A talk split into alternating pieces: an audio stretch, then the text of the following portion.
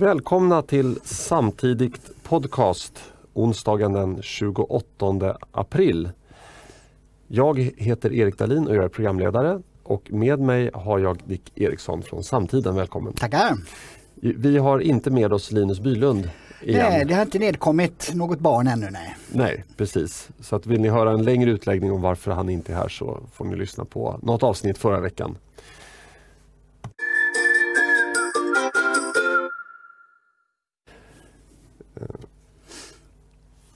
Dagens ämnen. Regeringen vill lägga ner Bromma flygplats. Nu vill alla skärpa straffen för brott mot kvinnor i nära relation. Nytt förslag. Begränsa bidrag till endast medborgare. Läskdrickande motarbetas. SVT gör nytolkning av Vi på Saltkråkan.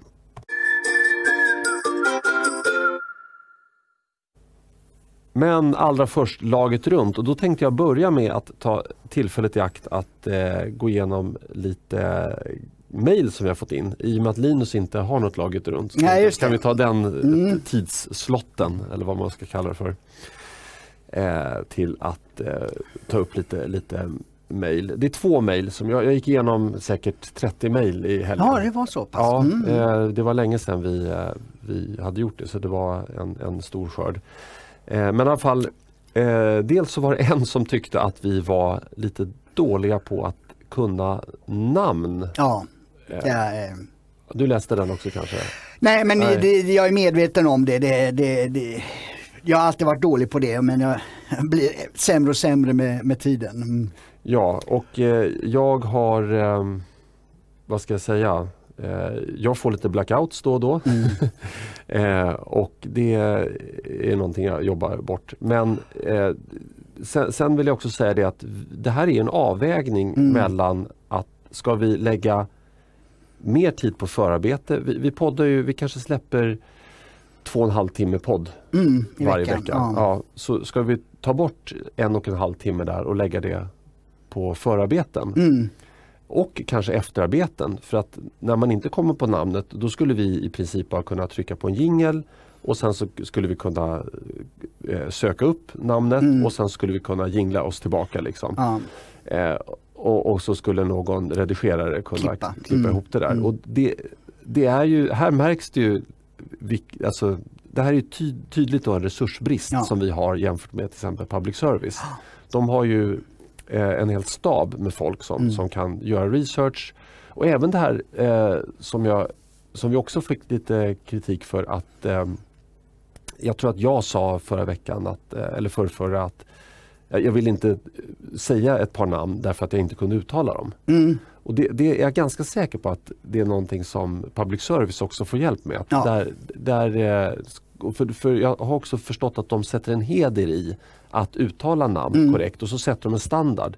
Att Okej, okay, men nu är det eh, Barack Obama till mm. exempel. Mm. Då, då lär man upp hela staben. Det är mm. Obama, mm. inte Obama. Mm, just det. och, så. Mm. Eh, och vi har inte det eh, här. Men, men eh, nej, vi, vi, försöker... Ja. Precis, nej, framförallt är det just den tekniska delen som är, är en, en eh, flaskhals för oss. Att det, det finns inte eh, så många tekniker man skulle önska att, att hålla på och finjustera saker och ting. Det, det har ju varit klagomål på ljud och ibland också. Liksom. Och det, det, det, det, är det och det beror delvis på att de som är tekniker det håller också på att bygga upp nya studios för, för Riks. Så att säga. Så att det, det är i ett uppbyggnadsskede och så då är resurserna extra eh, begränsade så att säga för, var, för varje produktion. Eh, där kan det ju förhoppningsvis bli bättre sen då när allting är på plats att de kan eh, sköta det. Och sen så är det ju så att vi har ju fått direktiv att vi får inte använda för podden hur mycket resurser som helst. Eh, för, för eh,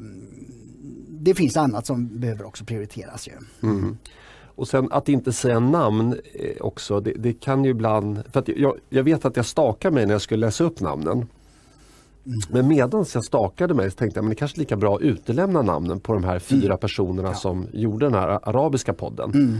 För att det var ju, jag skulle säga saker som inte var till deras fördel om man säger så. Nej. Eh, och då, kan, även då utelämnar jag namnen. Mm. Det, och det spelar ingen roll för våra mm. lyssnare uh, vad de heter utan det var de här fyra programledarna och vem, exakt vem som hade gjort exakt mm. vad. eh, tidigare, det, det eh, tillförde ingenting Nej. tyckte jag. Så det, det var det eh, om det. Men just det, det, eh, det här med att ha lite knappa resurser på, på tekniksidan. Det, det visade sig att eh, klippningen av eh, var det förra fredagsavsnittet eller onsdagsavsnittet?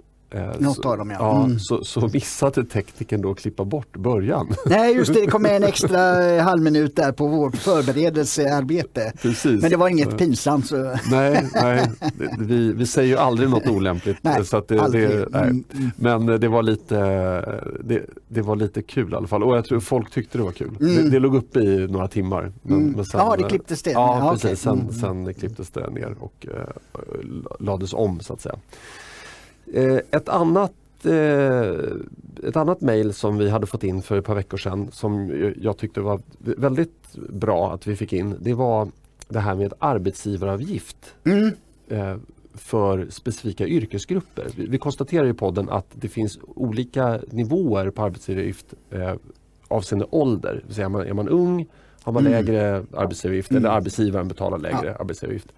Eh, och är man äldre så är det samma sak där. Men nu vill du ta den? eh, Ja precis, det var ju i samband med att tidningsarbetsgivarna föreslog då istället för pressstöd att journalistyrket skulle få en lägre arbetsgivaravgift. Så då skulle ju staten slippa betala Eh, ut bidrag eh, som man sen tog tillbaks då genom att ha den normala arbetsgivaravgiften. Då tyckte de det, nej men slopa bidragen och sänk arbetsgivaravgiften istället så att eh, tidningsföretagen eh, eh kan behålla de pengarna så att säga och få, få en lägre kostnad för journalistik. Och då sa vi ju det att det, det, det skulle ju vara en, en liten, eh, varför just journalister skulle ha en särbehandling och, och, och vi visste inte om att det finns faktiskt en yrkesgrupp som har det. Det har kommit in på mejl. då ju. Och, eh, det är nämligen eh, forskare som har, men det, det är en väldigt konstig eller jobbig skrivning i, i då, eh, socialförsäkringslagen eh, eh då om att arbetsgivaravgiften eh, man får göra avdrag från arbetsgivaravgiften med 10% av underlaget för avgifterna på då lön som en person eh, som arbetar med forskning och utveckling för en person. Det är ju- Men se- sen så såg jag lite längre ner så står det den sammanlagda, det sammanlagda avdraget för samtliga personer som arbetar med forskning och utveckling hos en ar, eh, arbetsskyldig får eh, inte överstiga 230 000 kronor. Ja, avgiftsskyldige ska Ja, av, just det, arbetsgivaren som är skyldig. Mm, ja. och, och man, eh, samma koncern anses som en avgiftsskyldig. Så att liksom en hel koncern får, eh, får göra avdrag för 230 000 i månaden och det är inte mycket pengar för en stor organisation. Så eh, jag tycker det är lite en liten forskarorganisation, eh, det, det kan ju 30 000 kronor i månaden betyda någonting. Men, men eh, för större, eh, där budgetarna är på liksom 20, 30, 40 miljoner åtminstone. Liksom. Så då, då är det ju en ganska liten, litet avdrag. Ja, jag kan tycka att en sån här eh, regel eller undantag eller sänkning eller vad man ska kalla det för. Det, det blir lite, det är väldigt onödigt kan jag tycka. Ja. Där- Därför att det, det betyder ingenting, rimligen kan det inte Nej. betyda så mycket ekonomiskt men man har ändå öppnat en dammlucka. Ja, ja. För frågan är om, inte, om inte det här hade funnits, hade tidningsutgivarna föreslagit Mm. en nedsättning av arbetsgivaravgift för, för sin yrkeskår? Nej, det är- Tveksamt. Men, Precis. Men det är väl bra att, eh, att våra eh, tittare och lyssnare är uppmärksamma och, och eh, talar om när vi ger något faktafel. ju. Ja, precis. Eh, bra Dick. Har du eh, något eh, som har hänt dig senaste veckan som du vill dela med dig? Ja just det, det där. Nej, alltså jag, jag är, är ehm, Alltså eh, de här inspelningarna som ju är, är rätt många under ve veckodagarna gör ju det att jag är ganska trött på helgerna. Alltså jag vill ju slappa då. ju. Och, eh, och med slappa menar jag ju gärna läsa böcker och sånt. ju. Eh, så att det, det, min, min variation är inte den största. Men jag kan bara säga att, att tidigare här nu innan vi spelar in så var jag i P1 Morgon och diskuterade ett ämne som vi kommer upp här om att, att begränsa bidragen till de som inte är svenska medborgare. Eh, och det var ju intressant att höra Aftonbladet och Göteborgs-Postens reaktion då, en, en socialdemokratisk och en eh, liberal kommentar. Och eh, Aftonbladet tyckte naturligtvis det här var hemskt att man gör skillnad på eh, människor. Som om de inte gör det varenda jäkla dag i, i sina artiklar. Det, det, går ju varje ledare i Aftonbladet konstaterar ja men det här gynnar ju en grupp och inte en annan. Det, det, det är ju det som är politik, vad det är man prioriterar. Och då är det ju så att då sätter man ju alltid någonting före någonting annat. Och det här någonting handlar om vissa människor i en viss situation och det som man prioriterar ner är andra människor. Så, så det där att säga att man ställer grupp mot grupp, det gör alla hela tiden. Ja, jag, verkligen. Och vi återkommer ja, till precis, det. Vi ska göra det. Mm. ja, men eh, bra. Eh, jag eh, ägnade många timmar av helgen åt att eh, brottas med mitt lokala nätverk. Mm. Och då var det inte något eh, nätverk av eh, opinionsbildare och sånt där utan det var ett elektroniskt nätverk. Digitala? För, mm. Ja precis. Eh, jag, jag, skulle, vi gör ju inte reklam i podden eh, men jag skulle kunna ändå rekommendera för de som vill ha ett riktigt vasst hemmanätverk, mm. alltså ett, ett wifi, att eh, införskaffa något som heter Unify mm. stavas Unifi. Och eh, det här är då, till exempel så har den funktionen att eh, om, man, om man har två accesspunkter i hemmet. Om man går från den ena till den andra. Mm. Traditionellt sett så, så, hamnar man i en punkt där det nästan bryts och, ja. så, och sen kommer man över till den andra. Mm. Men här har man en central enhet som eh, antingen kan man lägga det på en dator eller så kan man köpa en, en särskild manik som heter Cloud Key från det här bolaget som eh, då har, har hand om eh, den här trafiken och, och liksom förstår att aha, nu börjar den här mobiltelefonen närma sig den andra accesspunkten. Ja, men då glider jag över lite smidigt till ja, den andra. Ja. Mm. Så att det är en sån här sömlös, eh, inte sömnlös utan sömlös mm. övergång.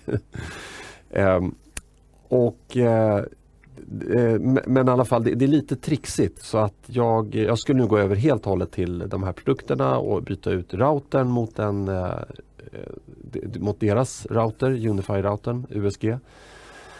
Och även eh, byta ut, eller lägga till faktiskt en, en PoE-switch POE det är Power over Ethernet. Så det, det, förutom att den skickar ut datasignalerna i nätverkskabeln så skickar den ut en liten ström också så att man behöver inte strömsätta de här accesspunkterna. Eh, mm. Utan det räcker bara att koppla, koppla in nätverkskabeln. Ja, ja. Lite tekniskt. Mm. Och det här eh, det funkade hur bra som helst. Nu, nu ska jag inte bli mer teknisk här mm. för att, då somnar väl alla. Mm. Men det funkade hur bra som helst. Och jag var så nöjd. Jag tänkte, 10 minuter tog det. Mm. Funkade en halvtimme, sen bara kraschade allting. Jaha. Och vet, jag satt liksom i timmar, men var 17 och jag, jag kom inte åt någonting mm. på nätverket. Eh, så att då fick jag bara, då kan man ta en sån här, ett gem, vända ut. Och sen så finns det en reset-knapp på de här prylarna. Det, ja, det, ja. Mm. Så då får man trycka in den och hålla in den ungefär 10 sekunder. Jag fick gå runt och göra det på alla, eh, alla prylar i nätverket. Och starta om och göra om helt. Men sen funkar det och eh, det är faktiskt en eh, stor tillfredsställelse. Ja, ja. Är det någon extra brandvägg och så, eh, säkerhetsgrejer inbyggt i det där? Eller? Ja, oh ja. Det, det finns ju i den här routern då. Eh, mm. och, och, den eh, kan, man kan ställa in den, den är mycket, vad ska man säga, eh, det, det, finns mycket fler inställningar i den här än den routern som man får med ifrån internetleverantören. Mm. och det där kan man ju roa sig och, och, och, leka med om man, om man vill. Men eh, jag, eh, jag har köpt de här produkterna bara för att eh, just få den här eh, tekniken. Tillgången, ja. Mm. Att, att, man, mm. att det är liksom helt sömlöst. Ja, eh, mm. Plus att man får bättre överblick eh, över nätet också. Mm. Så, att, så nu ska jag börja pilla med att kanske dela upp nätverket i om man har eh, prylar som eh, man kanske inte vill, eh, om man får ett dataintrång, att de, mm. Eh, man vill kanske ha en extra ehm, säkerhet kring det och, mm. och, andra prylar som styr till exempel eh, belysning. Vi har så Philips Hue. Det är, man kan styra eh, glödlampor kan man säga. Med, Ja, just det. Mm. ja, du har sett det. Ja, Mm. det, ja. En sån grej kan vara vettigt att, att lägga i, i ett annat eh, LAN som det heter än eh, själva eh, eh, ja, an, all annan trafik. Men eh, jag, jag, nu ger jag mig ut på lite djupt vatten för att det här är bara funderingar jag har Mm. och inte någonting som jag konkret eh, tänker förverkliga. Jag får sätta mig in lite grann, sätta mig in i det hela lite ytterligare. Men i alla fall, eh, det, var, det var lite om Ja. vad jag hade gjort. Vad du sysslat med? ja, exakt.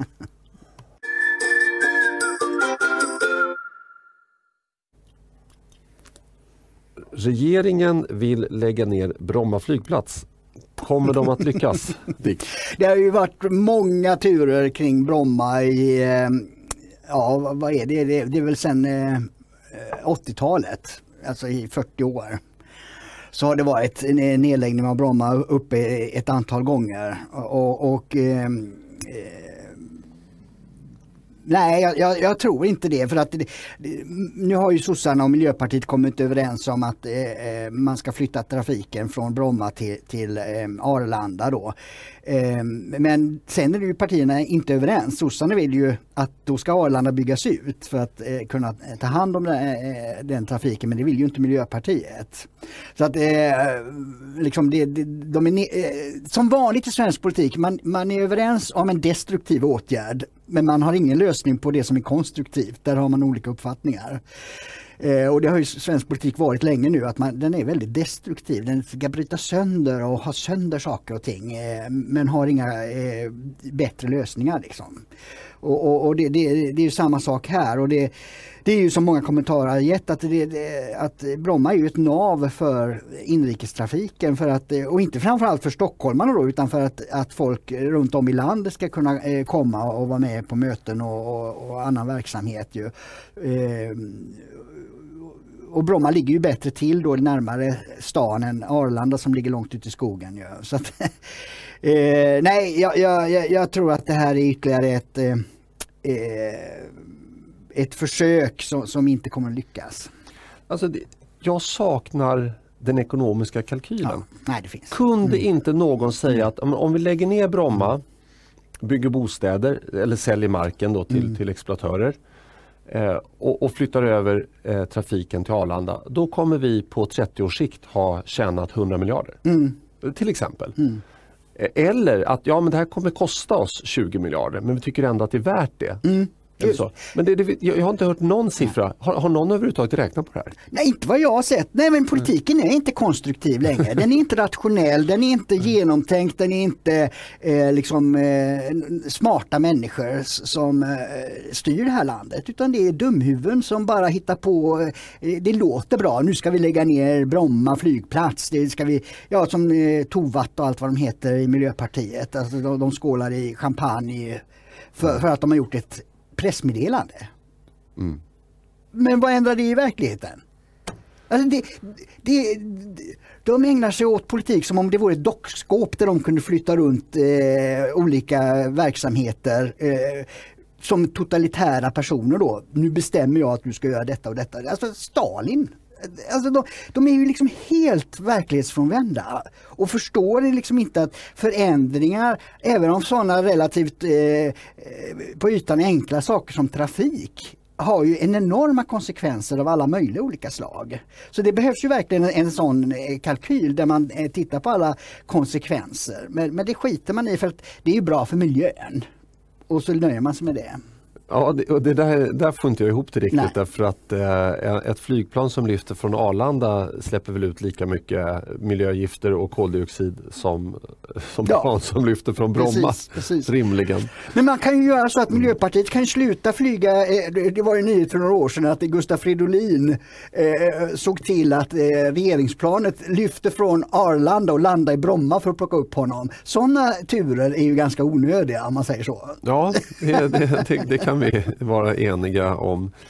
Äh, jag, jag kom att tänka på ett liknande fall faktiskt som i, i Nacka.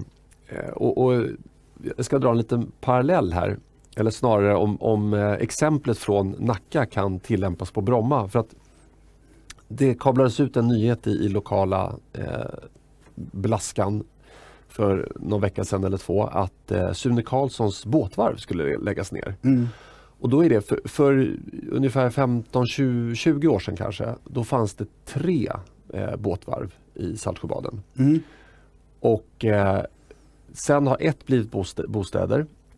Eh, ett andra, det minsta, eh, tror jag att det var, eller det kanske var lika stort som det som blev bostäder. Det ska också bli bostäder. Och nu, Okej. det, nu det största, eh, där har de också fått då planbesked om att det ska bli bostäder. Och efter det så finns det i princip inget båtvarv kvar i Saltsjöbaden. Det finns i Nacka, eh, där, där finns det en del, men, men inte i Saltsjöbaden. Och eh, då eh, Ja, men det, det är ju jättemärkligt att kommunen tar ett sånt här beslut därför att det, det är en del av infrastrukturen att ku- kunna serva precis som det är ungefär som att de skulle sälja ut alla bensinmaxmark, Mm. all bensinmaxmark till bostadsbolag. Då, då, stannar ju Mm. då stannar ju Stockholm liksom. Och samma här, det, det, det, det är dråpslag liksom mot småbåtslivet i, i, i den här delen av skärgården. Eh, men då när man går in och läser detaljerna i eh, eh, på, på det, kommun, ja, kommunen har ju sådana här arkiv, Ja. eh, beslutsarkiv. Och då står det att byggherren eller, eller den här, eh, ja, de som har fått mm, eh, planbesked. De är skyldiga att hitta ny mark för varvsverksamhet. Oj då. Ja, visserligen inom Nacka kommun men det, det är ganska dyr mark var man än är i Nacka. Mm. Ja, det är ju Det- det- strand, det är väl därför de vill bygga bostäder, för det är strandtomt så att säga. Det blir sjöutsikt och så vidare. Så det, det är ju värdefull mark. Ja, och då... Men problemet är ju då att eh, eh, det, det, jag, jag, jag tror liksom inte att det finns någon annan billigare mark. Det, det vore ju Nej, logiskt om man liksom Mm. tog dyr mark Mm. och så gjorde man eh, och så gjorde man eh, bostäder och det och så köpte man billig mark på annat ställe och så gjorde man varv utav det. Mm. Men, men, det- men det finns inte så att eh, mig veterligen. Så att den här lilla lydelsen den kan ju göra att, att hela grejen faller. Ja, och, och min parallell här då med Bromma det är att eh, man kablar ut en nyhet. Mm. Så här, ja, men Sune Karlssons båtvarv ska lägga ne- läggas ner, det ska Mm. bli, bli, eh, bli bostäder. Mm.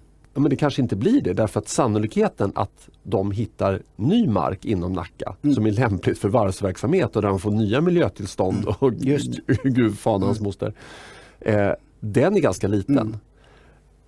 Jag tänkte, kan det inte vara likadant med Bromma? Man Ja. går ut, har presskonferens och sen står det i något styrdokument, någon enstaka mening eh, om det är ekonomiskt lönsamt eller just något sånt där. precis. Och sen, så, och sen faller allting. Ja. Kan, kan det vara så? Jo, nej, men det, det, det, kan, det, det kan det vara. Det, det, det, det som eh, är sagt i det här pressmeddelandet som det fortfarande bara är, är ju att det ska komma en eh, snabbutredning till hösten, i augusti tror jag. Eh, då ska det framgå lite mera kring vad konsekvenserna blir. Och då kanske det är så att då är konsekvenserna så på, påtagliga att, att eh, det kanske inte blir eh, gjort den här gången heller. Då. Och eh, då vet vi alla att det kommer i så fall meddelas dagen efter valet 2022. Ja just det. Eller någon man, vecka ja, man, Ja. Mm. precis, man drar på det och håller, ja, det, det, det, är- nej, det, det är så mycket fjanterier kring politik. Det är ju det, väldigt många politiker är bara intresserade av, av att få ut pressmeddelande och, och synas i medier. Det, det, där räcker det.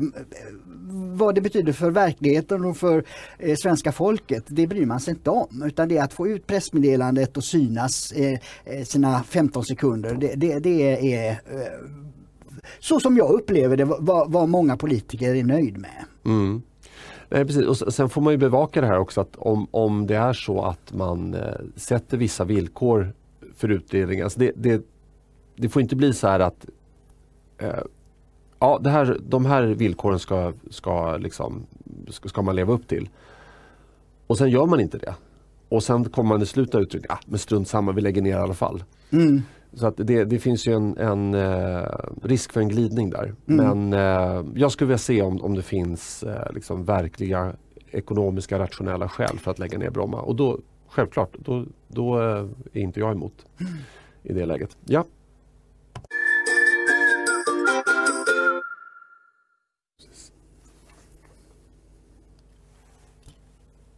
Nu vill alla skärpa straffen för brott mot kvinnor i nära relation. Eh, I ett lagförslag vill regeringen höja minimistraffen för grov kvinnofridskränkning till ett års fängelse. Det skrev Morgan Johansson och Märta Stenevi i en debattartikel. Men eh, Vänstern, Socialdemokraterna, Centerpartiet och Miljöpartiet har röstat emot liknande motioner förr. Då lämnar jag ordet till vår his politisk historiska expert. Precis, Ja. precis. Nej men alltså det, det, det, är, det, det ansluter lite grann till Brommautspelet. Att det här är också ett sånt där eh, utspel då från eh, Morgan Johansson. Eh, och som inte hänger ihop i någon ände. Liksom, utan det, det, det, vi har ju en kriminal politisk filosofi där, som ju Dan Eliasson, ju, förre rikspolischefen, uttryckte ju om, om en mördare som slått ihjäl en, en, en, en kvinna. Att, vad har den stackaren varit med om? Vad har den stackaren varit med om så att han gör något så dumt som att slå ihjäl en, en kvinna? Då är det liksom fokus, allting är på brottslingen, våldsverkaren och hur synd det är om honom. Och det har varit svensk kriminalpolitik i 50 år. Att det är så synd om de som begår brott. Att det, det, och det är samhällets fel. Och, och därför ska man, ska man eh, ömma hårt om dem. Medan man skiter fullständigt i alla de som drabbas av brottslighet. Det, det bryr man sig inte om. Eh, och det är ju de här partierna du räknar upp som har drivit den politiken. Men nu helt plötsligt då när, när, när det är, blir, blir aktuellt eh, av den tragiska händelsen att fem kvinnor har blivit ihjälslagna, eh, för det var väl ingen som blev skjuten av dem tror jag, i början på månaden. Eh, eh, då, då helt plötsligt, oj nu ska vi eh, skärpa minimistraffet. Men de tror ju inte på den politiken i alla andra brott. Utan då är det synd om den stackaren som, som gör det här. Men helt plötsligt när det gäller eh, kvinnor och att det, det, i en viss situation, då tror man på att skärpta straff ger resultat. Det hänger inte ihop, inte i någon ände. Och dessutom så kan man ju konstatera, vilket alternativmedier har gjort, eh, inte, inte minst vi på Riks då, är ju att fyra av de här fem är ju inte eh, traditionellt svenskar utan har, har koppling utrikes på ett eller annat sätt. Och då kanske det är migrationspolitiken som har en del i varför kvinnor blir ihjälslagna. Ja, jag hade faktiskt en, en liten kort diskussion med Fredrik Furtenbach på eh, Sveriges Radio? Ja, mm, precis, mm. På, på Twitter. Eh, han eh, sitter ju med bland annat i det här Det politiska spelet. En podd som de har? Ja, mm. precis, en podd. Och där då, han, han är ju väldigt duktig på statistik och är intresserad av statistik och då eh, la han upp någon statistik från ungefär tio år sedan. Man har gjort en undersökning runt 2010 och jämfört med en undersökning idag och sett då att våld i nära relation har inte ökat. Jag tror att det var våld i nära, nära relation. Jag tror inte att det var dödligt våld i nära relation. Men okay. mm. strunt samma. N någon form av våld i nära relation mm. i alla fall. Eh, och, då, och så la han till då själv att ja, men under den här perioden så har vi haft en stor invandring. Flyktingvågen 2015. Och det har inte påverkat. Alltså har våld i nära relation ingenting med eh, invandring att göra. Ja. Alltså hur kan man sitta, be, lönen betald av, av skattekollektivet mm. och häva ur sig en sån idiotiskt korkad slutsats. Mm. Då borde, om, om, han, om han skulle vilja dra den slutsatsen, Mm. då skulle han ju titta på Ja, vilka hur är många- förövarna? Ja, vilka är förövarna? det är ju det som är det intressanta. Mm. Ja, så låt, låt säga att det inte hade ökat Mm. någonting mellan 2010 och 2020. Mm. Men ingen svensk var förövare Nej. 2020. Mm. Skulle det fortfarande inte vara ett problem som var kopplat till invandringen då? Mm. Det, det, det är så fruktansvärt antiintellektuellt. Jo precis, just när det gäller Ja. ja. våldsvågen fast då mer generellt så eh, eh, har man ju också använt det här. Alltså det, är han är inte den första som använder det utan alla de här som tycker synd om, om, om eh, mördare och våldtäktsmän och så har jag hävdat just det att det har ju inte ökat. Men då har ju någon, jag kommer inte ihåg vem det var, eh, på, påpekat det. Nej, men brottsligheten i västvärlden generellt sett har gått ner. Och inte minst i våra nordiska grannländer då, då, som Norge och Danmark. Så att där är liksom kurvan nedåtgående och det har fortsatt ner efter 2015 i de länderna. Men inte i Sverige.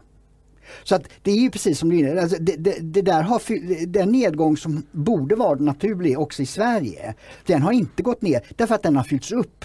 Och kan man undra, av vilka då? Vilka är det då som har gjort det? Och det, det är ju det man borde då ta reda på. Och det, det, det både Eftersom BRÅ, Brottsförebyggande rådet, var förbjuden av Morgan Johansson att forska om eh, bakgrund på de som går eh, grova brott.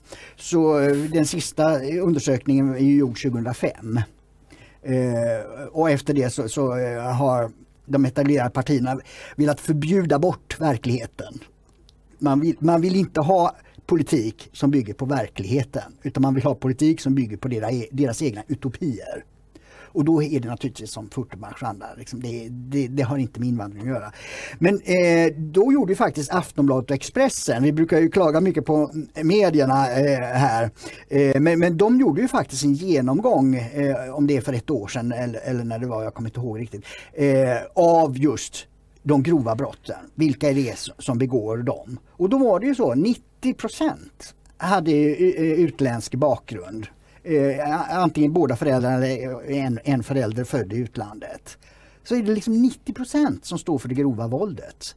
Eh, I och för sig då i vissa eh, smala kategorier då för att eh, det är ju inte, mord och våldtäkt är ju inte de vanligaste våld, eh, brotten som begås men det är ju de allvarligaste. Och där är det sån här enorm överrepresentation.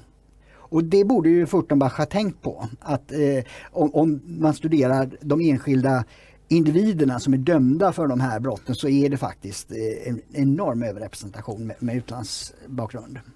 Ja, för, för att eh, det här borde ju ingå i grov brottslighet. Ja. Att, att slå ihjäl mm. någon oavsett om det är i nära relation eller på precis. gatan. Liksom. Mm. Ja. Eh, men men jag, jag tycker också att det här, alltså man borde ställa de här partierna till svars nu, Centerpartiet och, och eh, ja, det var väl sossarna och Miljöpartiet som går, mm. går, ut hårt med det här. Eh, att, att man vill stävja brott mot, mot eh, eh kvinnor som mm. har en relation med, med en aggressiv man. Och då tycker jag att för det trappas ju upp. Mm. Det, det, det, är inte så att, att det går från att man har ett två, en man och en kvinna har en jättefin relation och sen så helt plötsligt slår mannen ihjäl kvinnan. Utan mm. det, det börjar, man börjar, mannen börjar med hota och misshandla och, och sådär. Och, och, och det, var en av poängerna med, med, den här, med det här utspelet att man ska liksom vara bättre på att eh, sy in mannen direkt då och så. Men det, det jag har hört lite kritik mot det att det var lite ihåligt och så. Men, ja, mm. ja men, men, men, det jag tycker då att om det är så att det här är en, en person som faktiskt inte är svensk medborgare mm. och eh, om han då misshandlar sin partner eller någon annan för den delen. Utvisa fanskapet ja, då. exakt, exakt. För, för, då är det ju väldigt lätt att då behöver man inte skaffa något särskilt boende till den här kvinnan och hon behöver inte, bara, bara man håller koll på gränsen. Så det är ett annat tips till, mm. till de här fjantarna då i, i, i regeringen och, och stödpartierna. Att om, om, om man bara håller koll på, på vilka som kommer in i landet mm. så, så kommer den här mannen som misshandlar kvinnan inte att komma in och störa henne igen. Nej. Så det, det, är väldigt enkelt men, men eh, där borde kanske en, en duktig journalist ställa dem mot väggen. Ja precis men, men sen ska man komma ihåg att eh, relationer mellan människor är inte någonting som politiken eh, har full vad säger, eh, förmåga att hantera. Alltså jag har ju varit nämndeman i Stockholms tingsrätt och dömt sådana här fall, inte mord men, men misshandelsfall.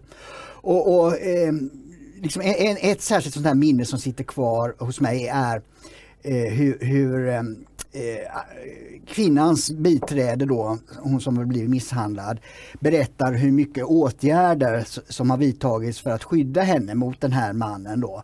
Med, med just eh, hemlig adress, ny bostad, socialen har hjälpt henne med väldigt mycket saker för att liksom han inte ska hitta henne.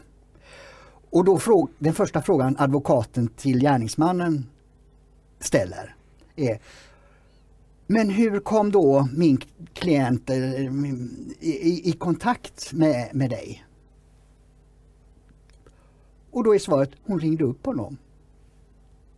Mm. Alltså här kan samhället göra hur många insatser som helst för att försöka skydda eh, en person. Men om den personen själv söker upp den som har misshandlat henne eh, upprepade gånger och samhället har gjort alla de här insatserna. Men sen så ringer hon upp och bjuder hem den här personen igen och hon blir halvt ihjälslagen en gång till och det var därför vi satt i, i domstol.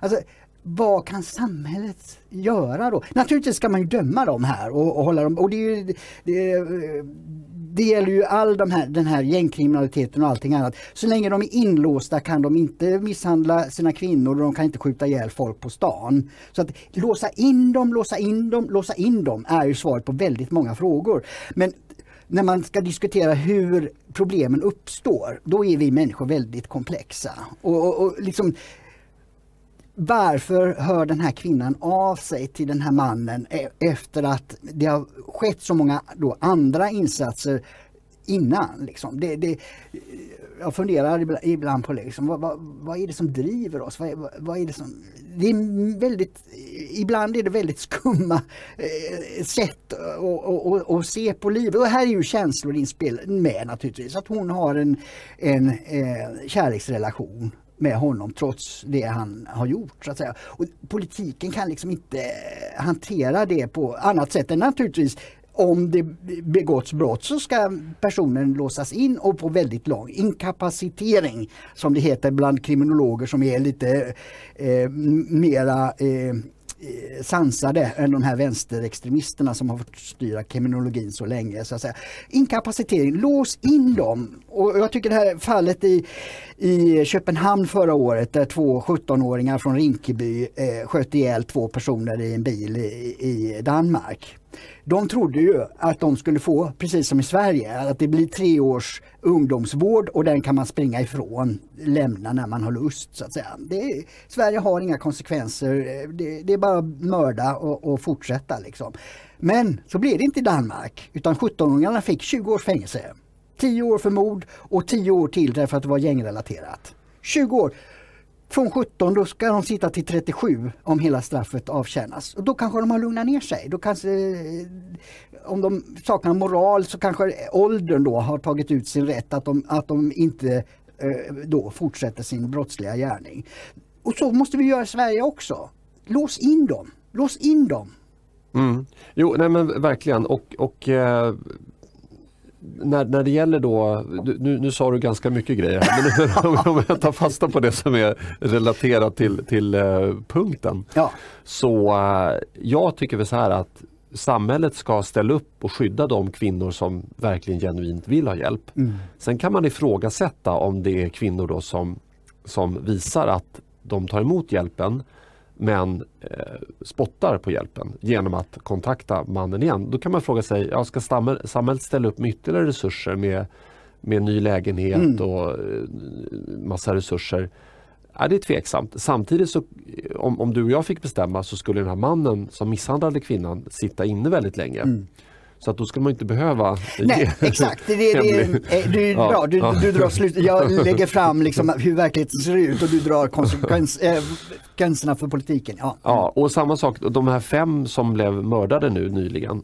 Eh, jag har för mig att åtminstone en, alltså fyra utav fem hade ju inte svenska biologiska föräldrar. En, en var adopterad och, och tre andra eh, hade utländska eh, invandrade föräldrar vad jag förstod. Men, men ehm, och, och, någon av dem var, var, väl inte ens, eh, hade inte ens invandrade föräldrar utan var, var själv född i utlandet. Och, och jag mm. tror att, att den, den personen eh, inte var svensk medborgare. Jag har för mig att det var åtminstone en som inte var svensk medborgare. Mm. Eh, och då är det så här, ja, men då har vi väl löst 20% av de här fallen. Då, mm. då kommer, efter avtjänat straff så kommer aldrig någon som mer få sätta sin fot i Sverige. Och, och det, det, är ju en, en, tänk om man kunde förbättra, tänk om det var så här rakt av. Mm. Och, men det är det här som jag tror att, att Centerpartiet eh, och Miljöpartiet och även Socialdemokrat, Socialdemokraterna får problem. För då måste man ju faktiskt utvisa ja. kräk ur landet och det har ju de inte visat något prov, någon vilja på förut. Nej, och, så, och ja. precis som i, när det gäller asylrätten så, så finns det här när det gäller eh, beslut som domstolen då kan fatta om, om utvisning eh, och på livstid eller ett antal år. Då. Eh, även om eh, domstolen först det, även om domstolen beslutar om utvisning så är det väldigt många fall som inte blir utvisade. För att eh, Morgan Johansson och andra har ingen lust att göra upp avtal med de här länderna de här personerna kommer ifrån och tvinga dem att ta tillbaka sina egna medborgare. Det, det, det, finns eh, utredningar på det att Norge är betydligt bättre på det. Men det, det är Morgan Johansson har ingen vilja. Han vill ha alla mördare i Sverige. Han vill att de ska fortsätta verka här av någon outgrundlig anledning. Eh, så finns det ingen vilja att göra det. Men domstolarna i många fall dömer inte till utvisning även om det är, är grova brott som utländska medborgare har begått för man säger att de har anknytning till Sverige. Och då finns det alla möjliga konstiga idéer som nämndemän och, och, och domare har. Nej, men de kan ju svenska språket eller om, om han skickas utomlands så kommer han att tvingas göra värnplikten. Och, eh, alltså, det är mängder med ursäkter, undantag från huvudregeln. Så att om vi ska få det här att fungera, genom, då måste det vara så att det ska stå i lagen att eh, är man utländsk medborgare har begått ett brott som är, är över en viss eh, straffskala så att säga, då ska personen dömas till utvisning. Då kan man, och så måste vi ha en regering som vill upprätthålla en sån svensk lagstiftning, det vill säga göra upp med länderna om att de ska ta tillbaks dem. Och en, en sån där åtgärd är ju eh, eh, biståndspengar som ju Sverige vräker ut eh, och, och, och, alla möjliga andra sam, samarbeten. För att, i ledande skikt i olika länder så är det oerhört prestigefullt att ha samarbeten och inte minst med Sverige. Så att jag, jag tror att eh, skulle man ha en justitieminister och utrikesminister som är intresserade av att, att upprätthålla eh, tryggheten i Sverige genom att utvisa alla utländska medborgare som begår grova brott, då går det. Men man måste vilja göra det. Absolut. Eh, och för att avsluta punkten så kan man också säga det att eh, de här, ja men det sa vi i början att eh, de här partierna hade ju röstat emot. Ja. Eh, så att det, det, det är liksom som att eh, man är med och, och, bidrar till att skapa eller åtminstone förvärra ett problem. Jag tror att utan den här massinvandringen så hade vi inte haft lika mycket eh, men då har utvecklingen varit som i Danmark och Norge att, att den har eh, sakta avtagit an, andelen eh, grova brott. Ja. Och sen har man då godhetssignalerat genom att rösta emot förslag som, som skulle då stävja utvecklingen från Sverigedemokraterna och på senare tid också då Moderater och Kristdemokrater. Ja. Mm. ja. Och, och, och, sen då slår man näven i bordet och låtsas som att man är den vuxna i rummet. Det, det, det är galet alltså. Ja, det, ja. precis. Det är som om, jag tycker lyssnare och tittare ska tänka på det. Många gånger agerar politiker som, nu börjar verkligheten. Nu börjar tideräkningen. Nu föreslår vi detta. Ja, men vad har ni gjort förut då? Varför har ni inte gjort det förut?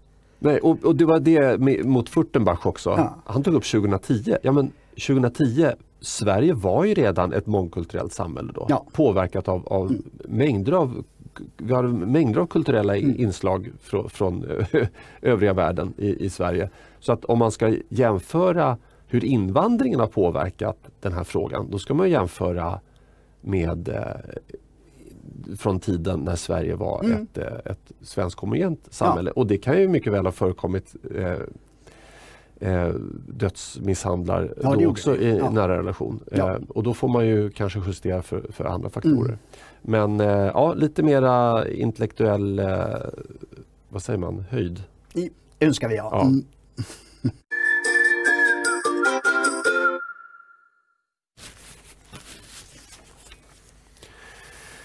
Läskdrickande motarbetas. Både gammal som ung har fått sitt läskdrickande ifrågasatt senaste veckan. Eh, jag vet inte vad vi ska börja, ska vi börja med, med barn eller, eller gamla? Jag, ska, ska, jag dra, ska jag dra den eh, Gislaved. Ska vi börja med det? Ja, okay. ta det. Mm. Ja. Eh, men i alla fall, det, det, var lite kortfattat då så var det en eh, kvinna som började som dietist eh, på kommunen och eh, gjorde då, drog ju då den, den helt korrekta slutsatsen att eh, det eh, serveras eh, ohälsosamma mängder läsk på äldreboenden. eh, men det finns ett problem med att riktas, tycker jag, rikta sin insats just, mot just den här gruppen. Alltså det, det, är helt korrekt att, att läsk förkortar livet, i alla fall inte min uppfattning. Men eh, Dick, du kanske kan ta över här. Var, varför bör man inte begränsa det just till äldre? Nej, för att eh, det är ju så, de, på äldreboende, det, det som hände på Gislaved var alltså att den här dietisten förbjöd eh, att eh, det skulle få serveras då läskedrycker och, och, och utav någon outgrundlig anledning i det brevet som skickades ut eh, eh så eh, sa eh, man det också att vi begränsar också mängden mineralvatten. Och det, för mig låter det mer som en kostnadsfråga, att, att det, det, det är dyrare än kranvatten. Eh, att det, det ligger någonting sånt bakom. Men själva beslutet är, är ju eh, en inskränkning av de äldres livskvalitet skulle man kunna säga. Alltså, alltså vill eh, en äldre person på ett äldreboende och äldreboende idag vet vi ju det, dit kommer man bara när man är väldigt skröplig så att säga. Och om man då vill ha en, en läsk eh, så borde man få det. Jag tycker även man borde, borde kunna få en sup om man vill det. Va? Alltså det, det, det det handlar om livskvalitet för de som bor på, på, på stället. Och då tycker jag det blir fel om eh, liksom kommunen som är diktator går in och säger nej. Du får inte dricka läsk och du får inte ditten och datten. Va? Och det, det, det, naturligtvis kan man ju eh, försöka få folk att dricka hellre då vad det nu är de vill man ska dricka, mjölk eller juice eller någonting. Ja. Men, men att liksom förbjuda blir konstigt tycker jag. Ja, alltså jag, jag är väldigt kluven i den här frågan därför att å ena sidan så tycker jag att initiativet är behjärtansvärt, det vill säga att man har en anställd på kommunen som ska förbättra hälsan bland eh, invånarna. Men varför man ger sig på den gruppen äldre som kanske, alltså när man kommer till ett äldreboende idag då är man väldigt väldigt skröplig. Mm. Eh, min pappa landade ju där och levde i tre månader. Ja. Eh, och eh, jag har, har, svårt att se att liksom medellivslängden på ett äldreboende idag är mer än något år eller möjligen ett par. Mm. Nej, medel, medellivslängden, det, det, kan inte vara mer än något år alltså. Mm. för att de, de, de, är i så pass dåligt skick de, de, som kommer dit. Och det har ju att göra med att man först erbjuds åtta hembesök per dag ja, av kommunen. Hem, I så hemtjänst. Ja, mm. precis. Så att när man inte klarar livet med åtta hembesök, mm. då är man redo för äldreboende. Och mm. då, då, är man ganska skröplig. Ja. Så att jag tycker att den här, det här borde man ju, alltså, hon Eva som hon heter då, eh, hon borde ju ha riktat in sig mot bara en parentes, anledningen till att jag inte säger hela hennes namn här, jag, det, kan ju, det kan ju orsaka en, jag vill inte vara den som orsakar nej, hatstorm nej, nej, mot nej, henne. Nej, nej, nej men samma, det vi inledde med, vi, ja. vissa sammanhang är inte namnen eh, relevanta. Nej, mm. vi, vi, har hela namnet men mm. hon, hon heter Eva i förnamn i alla fall. Och i alla fall, då, om man nu vill förbättra hälsan i en kommun, som hon tydligen har ett, ett uppdrag att göra, då borde man rikta in sig kanske på barn att, att få dem, att, att man grundlägger eh, hälsosamma levnadssätt eh, mm. och, och eh, ja, tidigt i livet. Precis, är med i undervisningen och, och, och talar om eh, eh, ja, skillnaden mellan att äta nyttigt och eh, skräpmat. Ja, mm. ja och, och även kanske i kommunhuset och kommunala verksamheter där det jobbar vuxna, alltså i arbetsför ålder. För mm. de har ju rimligen mer än ett år kvar att leva. får man hoppas. Ja, verkligen, ja. verkligen. Så där kanske man skulle rikta in sina insatser. Och sen en annan sak som gör mig kluven det är att det står så här i brevet som vi har fått tillgång till.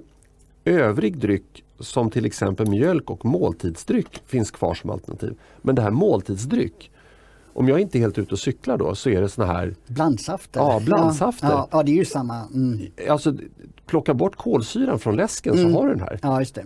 I princip. Det Nej, kanske är lite mindre ja, sak, men det är jättemärkligt. Det, det antyder ja. ännu mer det jag trodde. Det, det är en ja. ekonomisk fråga men man vill presentera det som att det är en eh, hälsofråga. Men, men, ja, förlåt att jag avbryter men, men, men, då var det ju en, eh, ja honom kan vi ta namnet på för mm. det har ju stått i diverse tidningar och så. Mm. Eh, eh, Kim Lindström 35 driver en butik i Eksjö och reagerade och samlade ihop 480 liter läsk att ge till de äldre. Mm. Men sen åkte han, åkte han och ställde ut där utanför äldreboendena. Mm. Men då kastade de det. Ja. Eh, Men det är ju så, alltså tyvärr Sverige har blivit så oerhört byråkratiskt. Alltså för, eh, ja, ända fram till för tio år sedan så skulle eh, föreståndarna ha integritet själva att, att hantera detta. Och, och, och eh, ja, på, på, på ett rimligt sätt göra någonting av det. Men nu är det totalt byråkratiserat och, och, förmodligen finns det också någon förordning om att, att eh, man inte får, på äldreboende får ta in saker som man inte har beställt från eh, godkända leverantörer.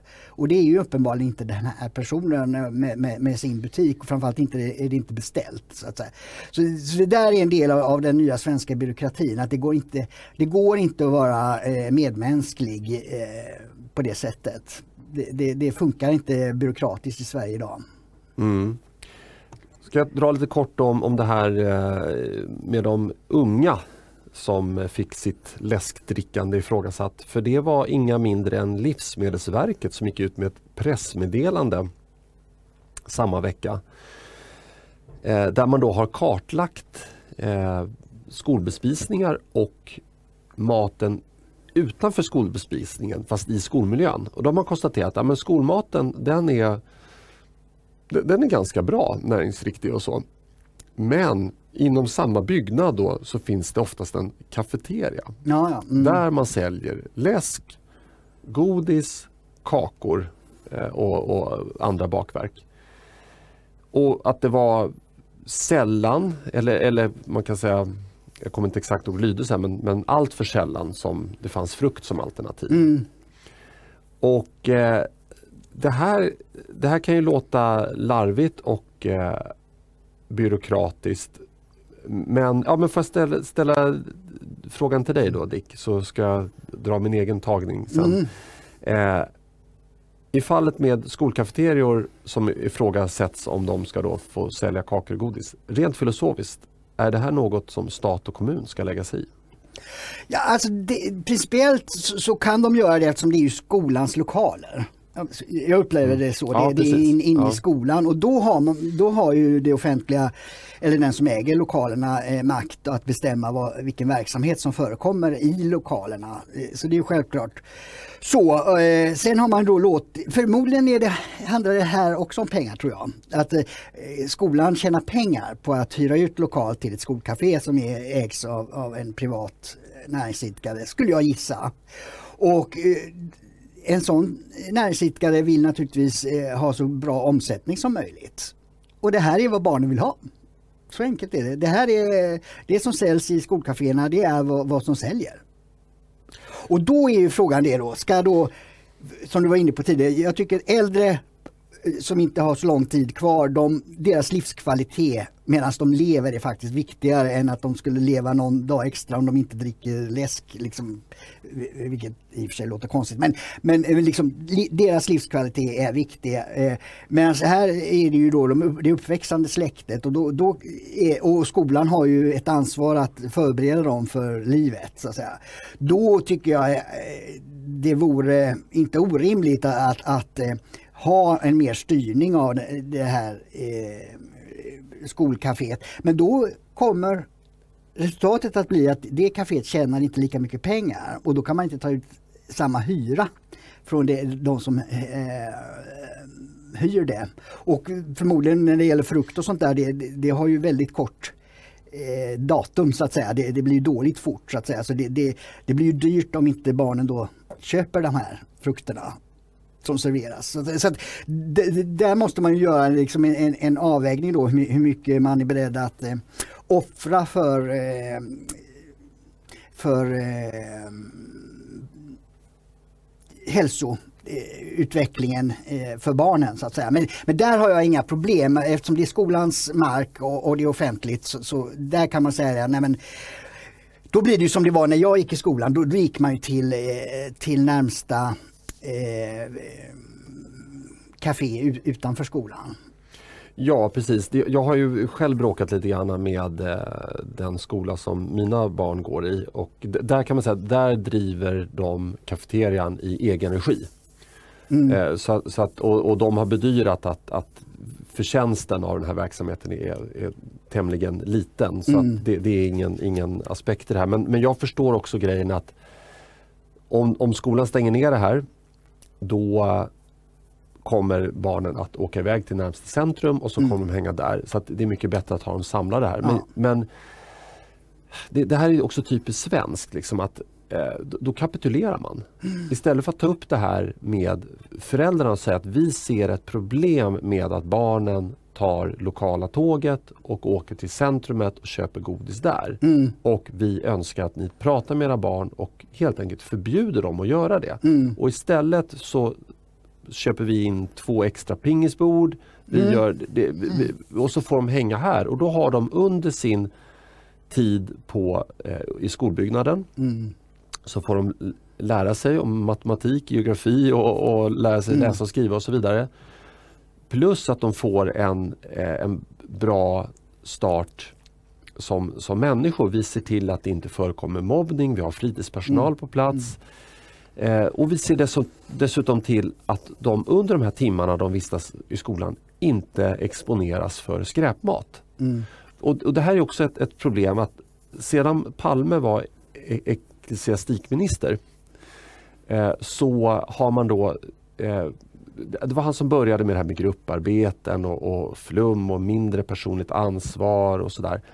Och, och det, det sa min mormor som jobbade som folkskollärare då eh, att det, här kommer bara drabba de svaga barnen. Mm.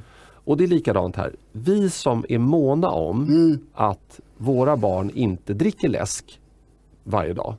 Vi säger till våra barn, du får absolut inte köpa något eh, med, med socker i, i Mm. den här kafeterian. Och vi, vi, eh, vi ger dem inga pengar så att de kan göra det. Vi, vi håller, vi håller Mm. det strikt. De barn däremot som kommer från hem där det är lite mer lösa tyglar. Mm. Visst, man kanske inte kan komma från ett, ett hem som, som lever på existensminimum för då kanske man inte har råd att köpa läsk och kakor och godis varje dag. Men, men eh, väldigt många hushåll i Sverige har Mm. eh, råd att, att, att göra det. Ja. Eh, de barnen kommer drabbas av ohälsa. Och jag tycker att det är fel av skolan att bidra till det. För det är det man gör. Mm. Man, man inför skolplikt och sen eh, släpper man helt tyglarna fria då vad det gäller eh, godis och kakor och, och läsk Mm. som, som barnen eh, får, får införskaffa. Precis. Jag, så jag, jag, jag tycker man borde re- restri- ha mer restriktiv syn på det här enligt Livsmedelsverkets rekommendationer. För barn, ja nej, men precis, nej, men du är inne på det här. Det här handlar om ledarskap. För, eh, eh, hur löser man det här med att barn inte åker? Eh, alltså det handlar om lokalt ledarskap på skolan, rektor, att den är en person som har integritet och, och respekt så att säga. Att det finns föräldrar som lyssnar och är delaktiga. Det här är inte politik. Det här är det grundläggande eh, en grundläggande vad ska civilisationsfråga där det, det handlar om att alla medborgare, föräldrar, lärare, rektorer och, och, och, och politiker måste liksom ta ansvar, vara vuxna just och, och, och göra de här avvägningarna och förklara. För, för det blir så det, det som många reagerar mot och även jag, det är att det, det blir väldigt stalinistiskt. Liksom. Om, om nu säger skolan att eh, nu får det inte säljas något godis, det får bara serveras frukt eller säljas frukt i, skolkafeterian. Eh, då blir det ju just en motreaktion bara. Utan här handlar det om just uppfostran, ledarskap, att eh, få folk och eleverna att förstå vad som är bäst så att de själva drar slutsatsen att det här är ändå rimligt. Liksom. Det är ju det det handlar om. Och, och då är det väldigt svårt eh, för politiken att, att, styra detta. Vi måste få eh, civilsamhället att, att vakna igen. Det, det har ju just på grund av Palme och andra som bara pratar om att man har rättigheter. Eh, och det ska staten servera så att säga. Det, det är ju socialismens eh, kärna och, och då har människor slutat och, och själv ta ansvar och det, det är det vi måste få tillbaks. Vi måste få ett civilsamhälle där, föräldrar, alla tar eh, ansvar och hjälps åt att skapa e-, ett, ett, ett bättre samhälle. På alla punkter men också naturligtvis eh, hälsan eh, för barnen. Ja, och då, då ska ju också de föräldrar som månar om sina barn, då ska ju de också på något sätt premieras. Idag känns det lite grann som tvärtom. Att man, man, blir, man upplevs som besvärlig om man Ja. tar upp det här. Nej, men det blir ju det att man, Ja. man, man upplevs som totalitär då när man vill begränsa någonting. Va? Eh, för att det, det är begränsningen som blir frågan. Inte att man vill någonting annat, att man vill ha en, en, en, en eh, bättre hälsa, att man vill ha en också skola in eleverna i, i vad som är bra mat även för det, när de flyttar hemifrån. Liksom. Det, det, den delen eh, kommer i skymundan, det, det är den här inskränkningen. Och det är ju det här rättighetstänket. Eftersom det har varit så starkt så är det där det hamnar först. Eh, inte på vad är, vad är det eh, totalt eh, bästa eh, lösningen så att säga. Och, och, och ta de fördelarna först och säga och, och detta innebär en viss inskränkning då eh, genom att det, det, är ju onödigt att och, och locka barnen att köpa eh, godis i, i skolans lokaler.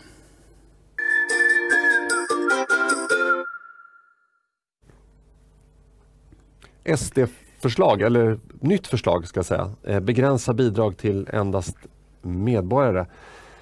Eh, det här, jag råkade kasta om ämnena ja, det eh, men eh, det gör ingenting. Det är kanske bara någon enstaka uppmärksam som upptäckte det. Vad går det här ut på Dick? Jo, det var ju då i måndags som Jimmie Åkesson och Oskar Sjöstedt presenterade ett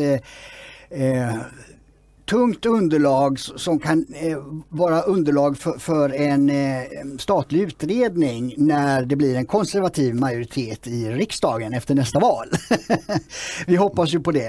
Eh, nej men jag tycker det är en väldigt klok strategi från, från Sverigedemokraterna att man gör ett, ett, eh, här ett 32-sidigt dokument där man tar fram en hel del statistik, eh, olika eh, bidragsregler, hur de gäller idag och vad det har för konsekvenser. Så att man kan förhandla med Moderaterna och Kristdemokraterna eh, om en, eh, ja, eller att, om de är med på det, göra det här till direktiv till en statlig utredning för hur man ska ändra bidragssystemen. För det det handlar om eh, i sak är ju det att Sverigedemokraterna föreslår att man eh, för sådana bidrag som är bosättningsbaserade eh, som det kallas på byråkratsvenska. Det vill säga att de trillar ut eh, eh, även om man inte jobbar. Till exempel barnbidrag, eh, föräldrapenning, garantipension. Eh, de ska avgränsas till att gälla svenska medborgare, inte de som har uppehållstillstånd. De ska inte få ta del av dessa bidrag. Just det, om man inte jobbar, inte har jobbat. Nej precis, va? för att det, är ju så, det, det, det sa, ja. Oskar Sjöstedt sa det också förtydligande på, på presskonferensen att eh, de som har uppehållstillstånd och arbetar, de arbetar ju in en som det heter SGI, sjukpenningsgrundande inkomst. Och då får de ju ersättning precis som medborgare, för då har de ju jobbat in det. Det är en form av premie eh, man skapar sig genom arbetsgivaravgiften ju, när man arbetar eh, och, betalar skatt så att säga.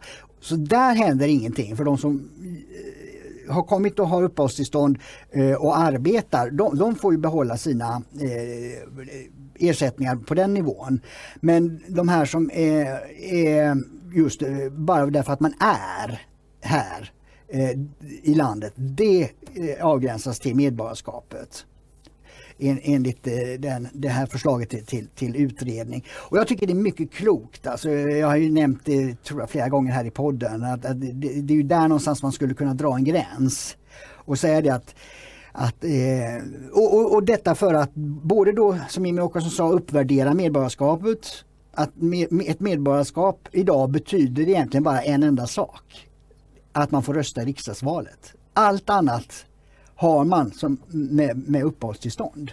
Och det är ju ganska absurt. Att bara för att man kommer till Sverige och eh, får tillstånd att vara här så har man tillgång till allt, hela vårt välfärdssystem även om man inte betalt en krona i skatt. Ja, det, det är det, det, är som man baxnar. Alltså jag, jag, jag trodde inte att det var så illa. Mm. Eh, men hade jag tänkt efter så hade jag nog konstaterat att det, att det är så illa. Men jag är lite kluven i den här frågan eh, och det kan bero på att jag inte har läst hela förslaget. Eh, men om jag tänker mig själv att jag skulle flytta och, till ett annat land och arbeta där och betala full skatt.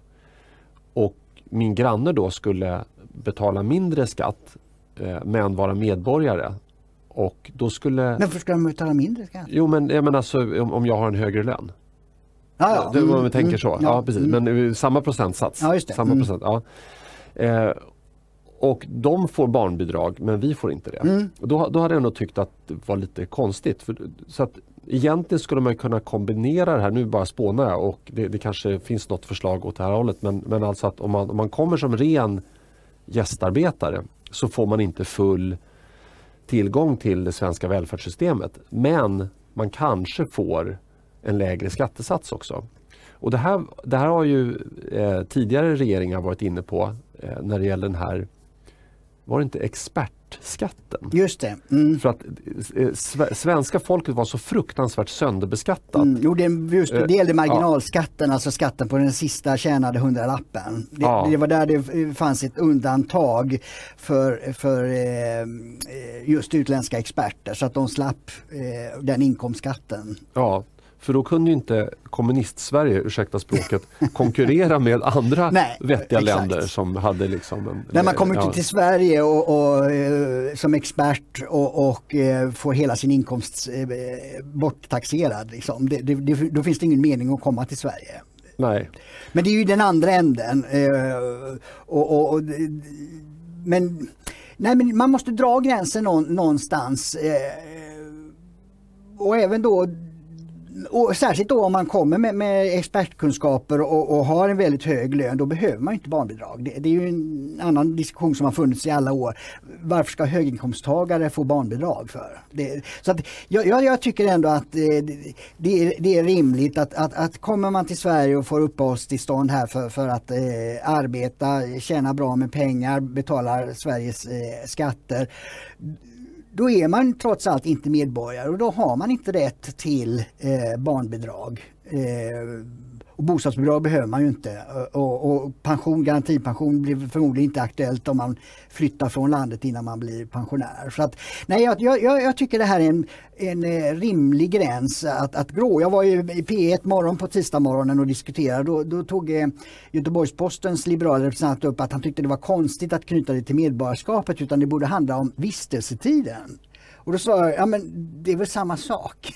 Man blir ju inte medborgare direkt utan det blir ju så att det är en vistelsetid där man inte får de här förmånerna. Och, och vill man då stanna i Sverige och bli medborgare och då vara en del av den svenska gemenskapen. Att ställa upp på Sverige, ställa upp på svenska lagstiftningar, eh, ställa upp på att vi har våra kulturella eh, traditioner och seder och bruk här, respektera dem. Man behöver ju inte följa dem eh, i sin egen bostad eller i sin egen umgängeskrets, men att man respekterar att de finns eh, Eh, är en väldigt viktig sak. För det är en anledning till att jag började engagera mig igen och, och, och för Sverigedemokraters eh, tidning då. Det var ju just det att det var många kulturella invandrare som hatar Sverige.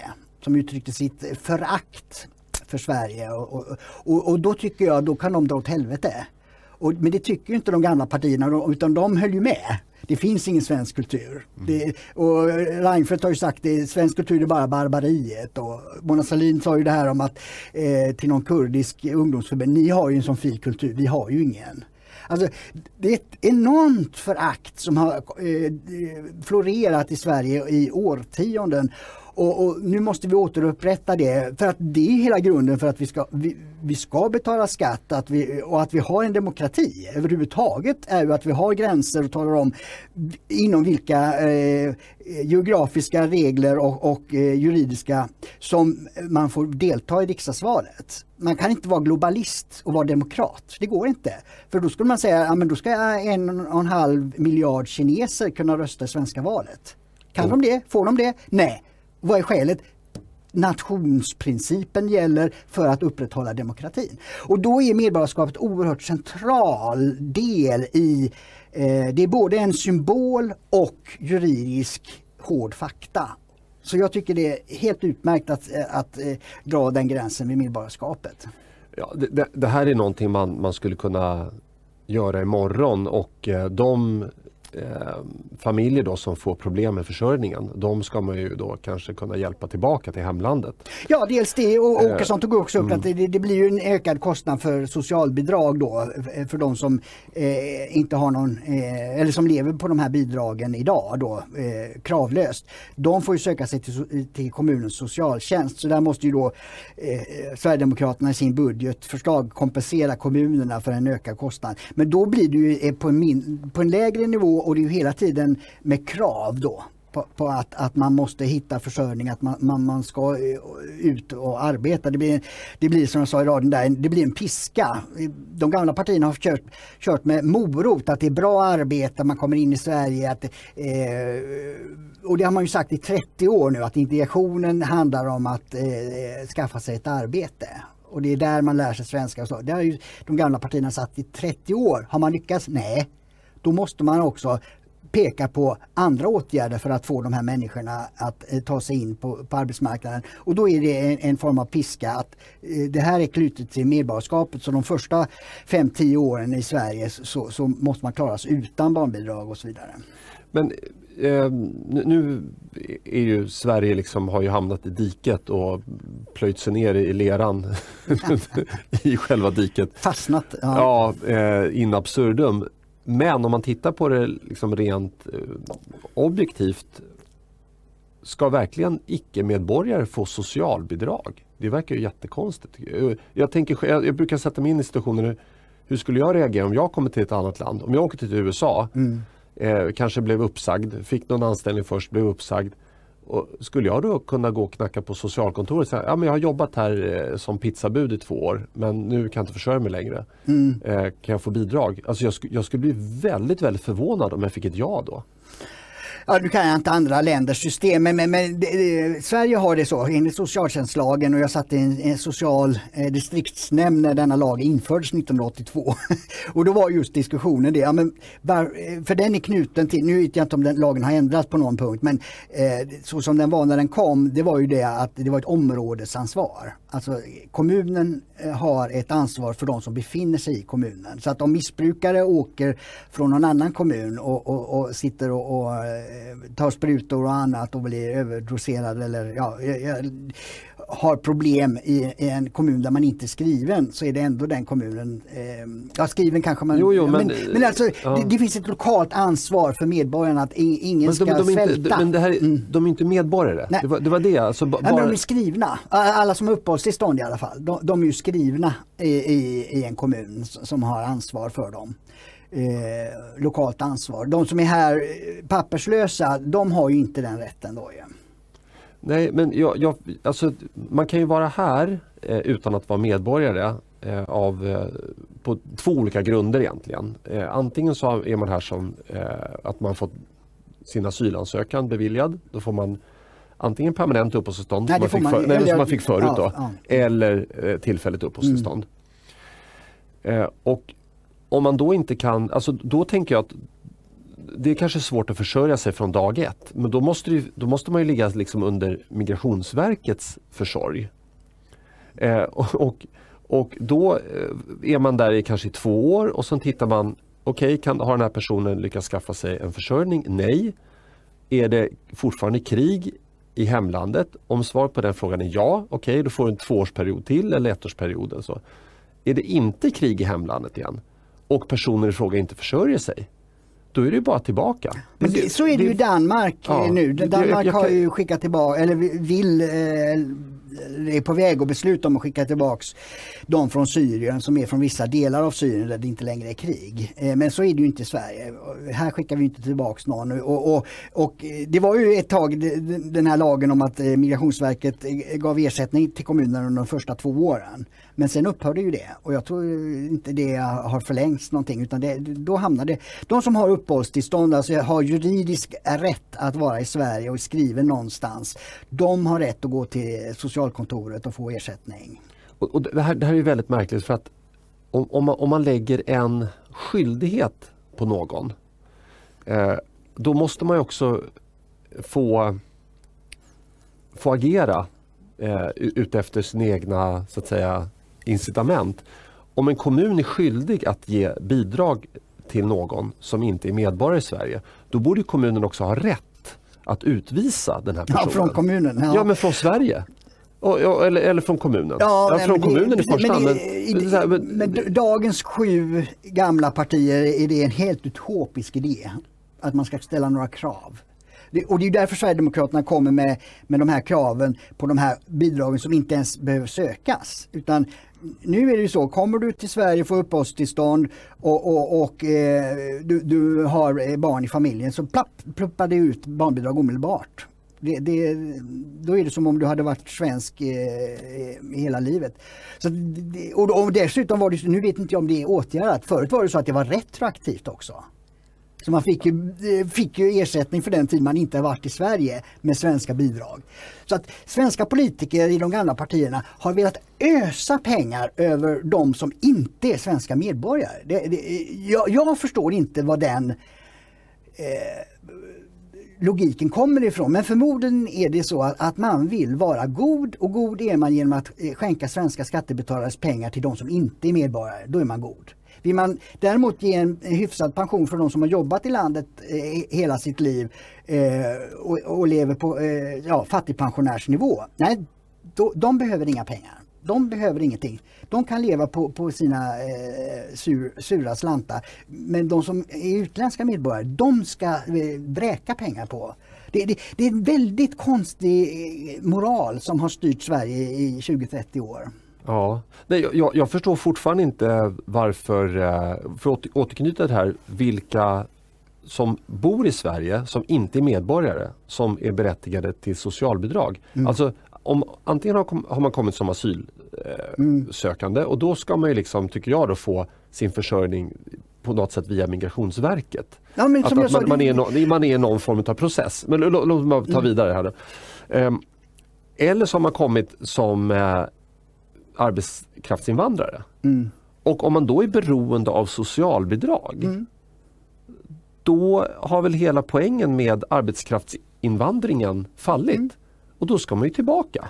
Men så är det inte utan det, det är ju det, Ja. det man sagt att man bytt spår äh, är, en- är, ett eh, uttryck som har använts därför att när asylsökande då eh, har märkt efter 2015 att det blir svårare att få asyl, ja då har man bytt till spåret arbetskraftsinvandrare och då har det ju räckt. Sverige har, har, jag vet inte hur det är exakt nu, men vi hade ju världens mest liberala regler där. Eh, det vill säga i stort sett vem som helst skulle kunna skriva ett intyg om att ja, jag, jag tänker anställa den här personen.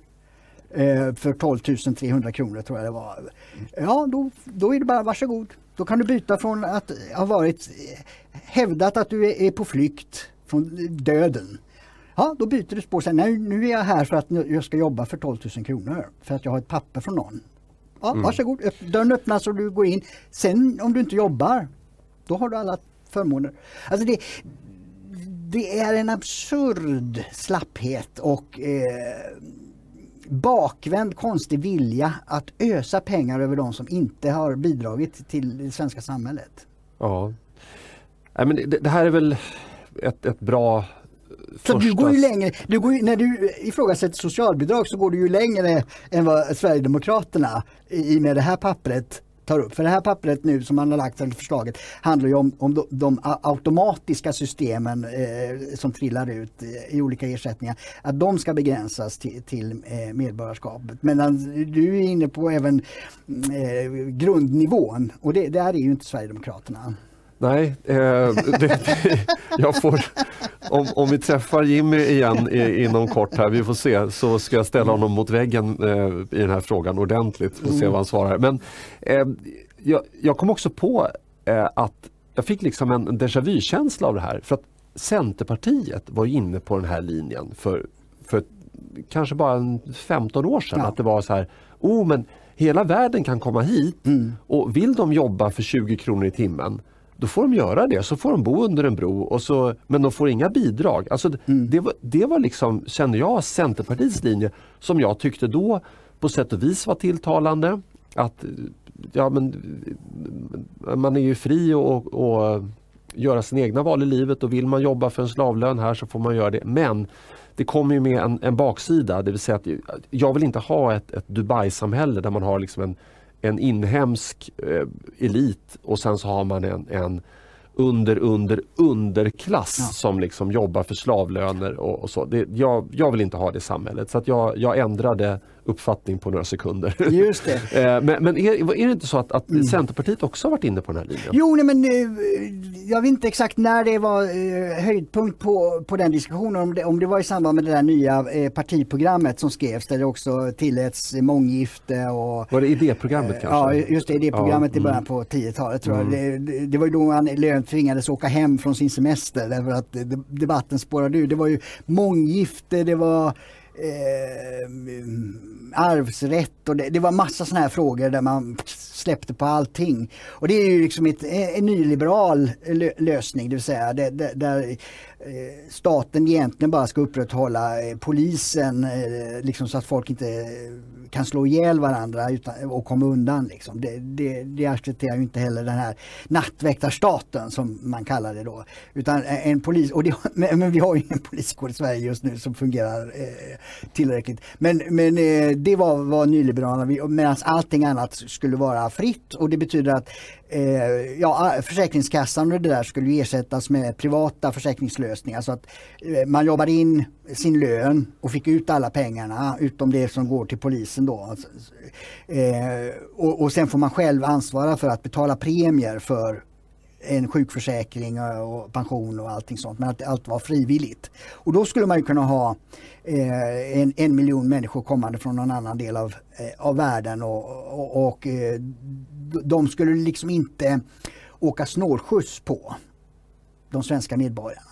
Så i den meningen så, så är ju den lösningen eh, logisk. Eh, svenska medborgare betalar premier för sina försäkringar. De som kommer utifrån eh, de får också betala de premierna. Betalar de inte de premierna då är det som du säger, då, då betalas inga pengar ut. Då går det ju inte ut över svenskarnas ekonomi. Men Exakt, det, det, det, går inte att ha det på det viset eftersom vi lever på samma gator, i samma kvarter, i samma eh, städer, eh, orter och så vidare. Eh, utan vi måste ju ha ett, ett, ett samhälle där vi känner igen oss. Det, alltså det, det, det har ju mänskligheten eh, och det gör ju alla djur med revir och allting sånt där. Alltså man, man, vill ju ha en sfär där man känner igen sig, där man vet vad som gäller, där, man kan förutse saker och ting och så vidare. Och den, det kallas trygghet. Den måste också upprätthållas och då kan man inte ha det på ett eh, nyliberalt sätt. En, en, en kontrollerad eh, arbetskraftsinvandring där, där folk stannar en, en, kortare tid, om det är från ett halvår eller upp till fyra, fem år eller sådär. Det, det, det har inte jag några problem med.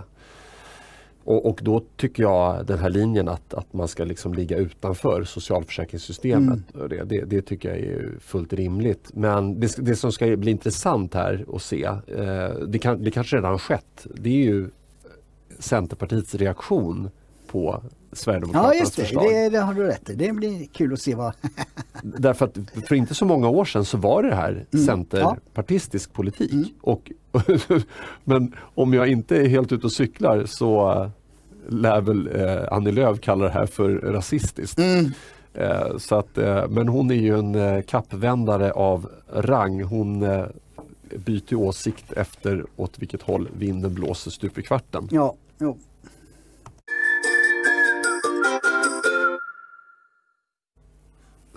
Sveriges Television gör nytolkning av Vi på Saltkråkan. Jag tänkte börja med att läsa upp en text från svt.se.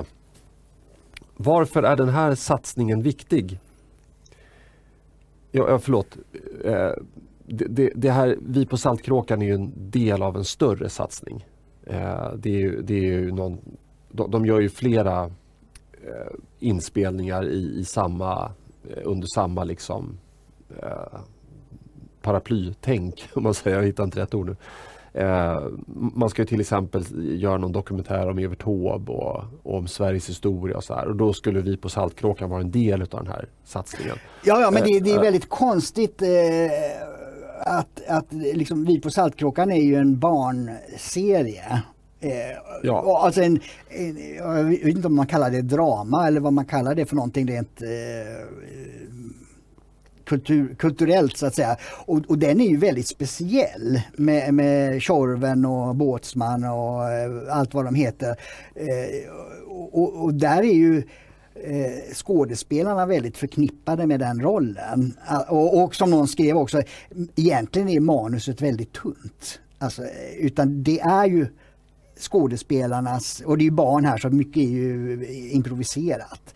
Eh Eh, och, och, man skapar en väldigt eh, speciell svensk stämning på en, eh, på en skärgårdsö och, och jag, jag, tycker det är väldigt konstigt att man ska göra om den med, med en eh, nytagning. Så att säga. Det, det, det, däremot allt det andra du nämnde med dokumentärer om Tobo, all, all, det, är ju, det, är ju bara, det är ju tillskott till eh, kulturskatten då så att säga. Men att göra om en kult, kult eh, barnserie med nya skådespelare. Då ska väl hälften vara invandrare och det ska brytas på olika språk och eh, alla eh, ja, eh, andra världsdelar ska vara representerade och så. Jag, jag, jag fattar inte vad det skulle tillföra. Vi, vi, kan få en liten ledtråd här kanske. För de skriver nämligen så här. Varför är den här satsningen viktig? Det finns mycket att glädjas åt i den explosionsartade utveckling som tv-landskapet har genomgått de senaste åren. De globala aktörerna har bidragit med en enorm volym av utbud av hög kvalitet och publiken har aldrig haft så mycket bra television att välja mellan som idag. En sak kan man dock vara säker på. De globala jättarna kommer aldrig att satsa på svenskt innehåll annat än undantagsvis. Och det kommer inte göra programmen tillgängliga för alla i Sverige. Därför är det en viktig, viktig uppgift för SVT att skapa berättelser som, att, som är extra relevanta för den svenska publiken och som blir en gemensam tillgång för alla. Jag har ett stycke till men om vi stannar där. Mm. Eh, det här är lite grann en stridsfråga eh, mellan de som vill lägga ner public service och de som inte vill lägga ner. Jag vill ju lägga ner av flera olika års orsaker. Eh, bland annat att de är vänstervinklade och att det liksom går inte att hitta en neutral vinkel. Det, det, det är omöjligt. Eh, men en del vill lägga ner för att man gör trams. Man gör liksom fredagsunderhållning som egentligen hör till, till TV3 och de kommersiella eh, mm. kanalerna. Och det här är något mellanting. Mm. För att det är ja. klart att kan man göra kvalitets-TV som jag nu vill säga att, att vi på Salt Kråkan är. Det, det, det är ett tidsdokument. Ja. Eh, och, och, kanske andra filmatiseringar och sådär. Så kan ju det vara lovvärt. Men man vet ju inte heller om SVT la ner helt och hållet. Skulle det verkligen vara så att inget privat initiativ gjorde någonting sånt här? Va, va, vad säger du Dick? Är, är, det, är det bra, är, är det, ska SVT syssla med sådana saker? Alltså, ambitionen i det du läste upp eh, har jag ingenting emot. Eh, I synnerhet inte eftersom de har 8 miljarder per år ytterligare 6 år oavsett vilken regering vi får nästa år då tycker jag de ska göra det. Men, men det, det har ju ingenting med Saltkråkan att göra.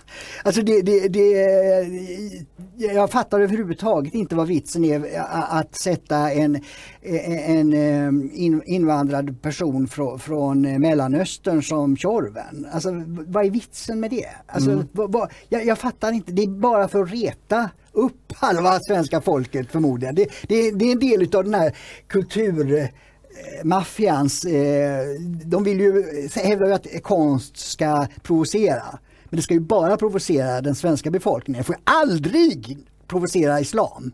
Nej. Det får aldrig ske. Det har aldrig skett. Det är förbjudet. Och det är ju där man verkligen behöver provocera. För de måste lära sig i den kulturen att man kan driva med religion. Man kan driva med Allah, med, med Mohammed. Eh, precis som eh, Eh, Eh, den här Life of O'Brien, eh, alltså Monty Pythons eh, film om Jesus eller parodi på Jesus var ju eh, kritiserad eh, när den kom eh, på 70-talet då eh, i, i, en del kristna eh, religiösa sammanhang. Inte så att de eh, begick terrordåd eller började slå ner folk. Nej. Nej. Utan de kritiserade på demokratisk eh, yttrandefrihetsgrund att de inte gillade det sättet att, att behandla Jesus och den berättelsen. Och det har de ju all rätt att säga. men det var ett sätt att visa på att man måste kunna diskutera religiösa frågor, man måste kunna eh, ifrågasätta, man måste kunna... Och, och, och därför behövs ju, det har ju också sagts i, ja, sen eh, 9-11, alltså 2001, att det borde världen har kommit ett bra steg på vägen om Life of O'Brien skulle göras med Mohammed. Mm. Då, då, skulle man komma någonstans. Men jag vet inte om det där är, eh, om, om eh, Tjorven är ett sätt eh, för den gamla vänsterkultureliten att bråka med svenska folket. Det, jag vet inte. Nej, vi, vi, vi vet ju inte om Tjorven kommer ha slöja eller inte. Nej, så det precis. kanske inte ska uttalas mm. om. Men det, det de skriver här då i alla fall på svt.se. Till sist. Att satsa på att bygga Sveriges minne ska inte tolkas som enbart en fråga om nostalgi. SVT får aldrig bli ett museum.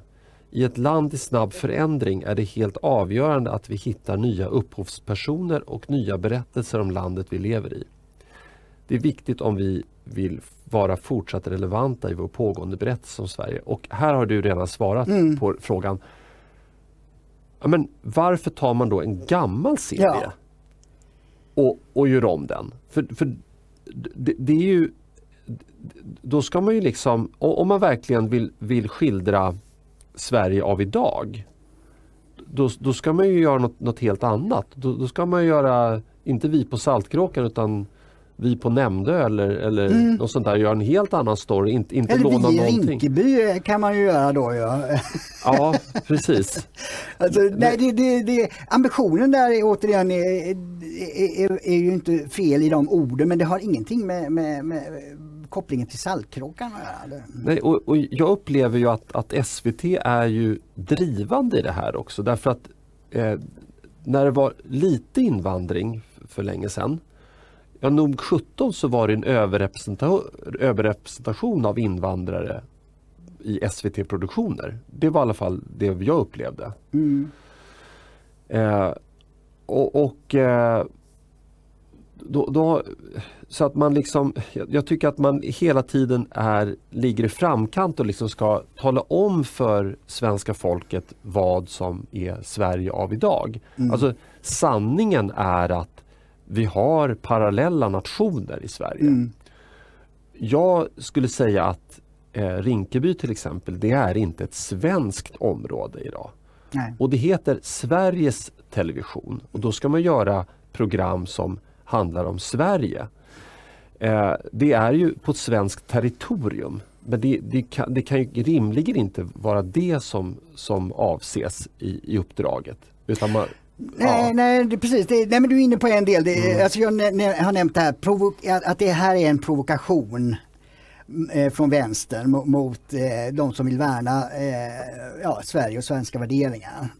Det andra är det du var inne på här att det, det är eh, en sorts integrationsprojekt av något slag. Att, att eh, man vill visa att eh, i dagens Sverige så är Tjorven inte svensk utan hon kan komma från eh, Syrien.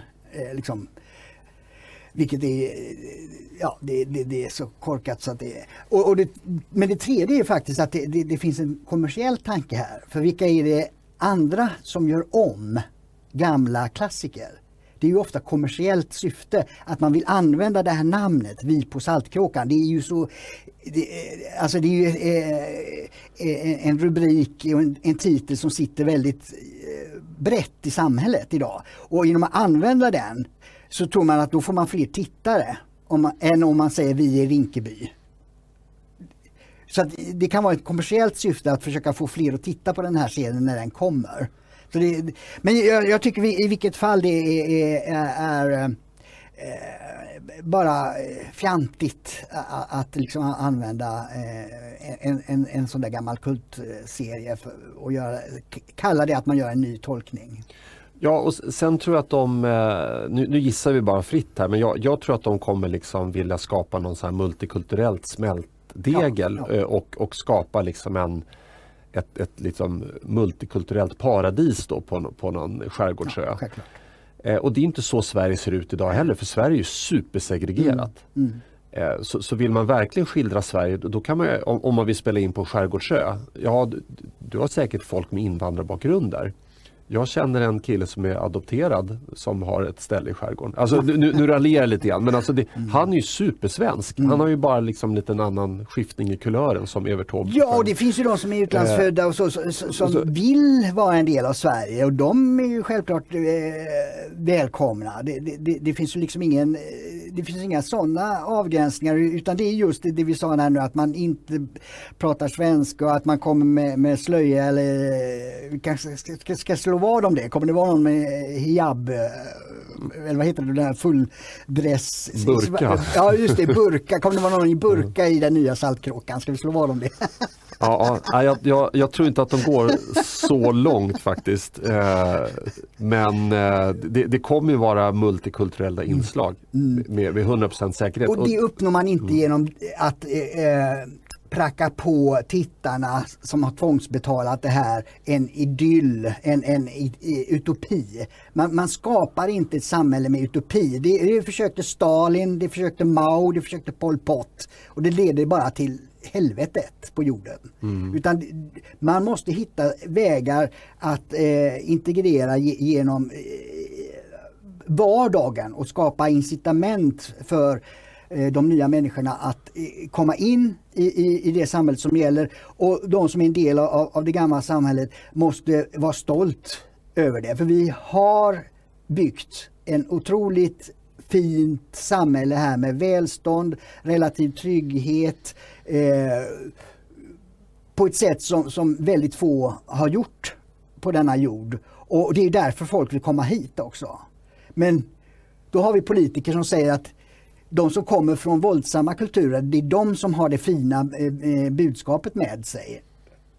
Och, och då får vi det som en del invandrare säger det. Nej men jag kom ju hit för att slippa dem. De, mm. Min gamla kultur. Och nu kommer de efteråt liksom och börjar införa allt igen med hedersvåld och allt möjligt sånt där. Det är den diskussionen som man, SVT skulle kunna skildra i, i någon ny serie. Alltså den vardagen. Eh, och, och eh,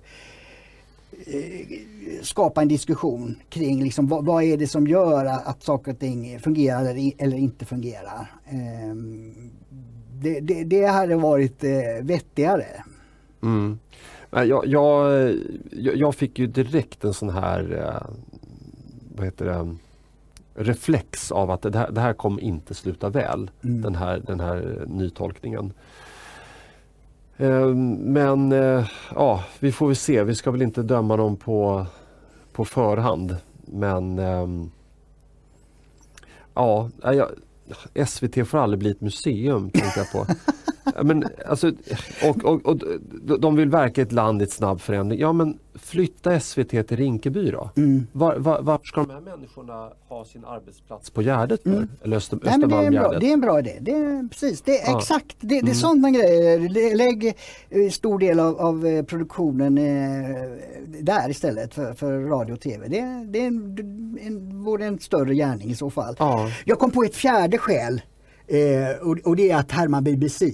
För det är någonting som är, är en genomgående eh, del av, av, SVT, att man tittar och härmar BBC. Och de gjorde en nyinspelning av en gammal serie här, den här eh, namn och så, jag vet inte om det heter, nej vad heter det, det är alltså en veterinär som hamnar i, på landsbygden i, i England och, och, den gjordes och var en fram, stor framgång på 70-talet och nu har BBC gjort en nytolkning som vad jag kommer ihåg nu har fått ganska mycket kritik. Liksom. Var, varför göra om den? Eh, och, men det, det, kan vara ett fjärde skäl att, att SVT har sett att eh, BBC har gjort om en 70-talsserie som var populär en ny tolkning i, på 2020-talet. Mm.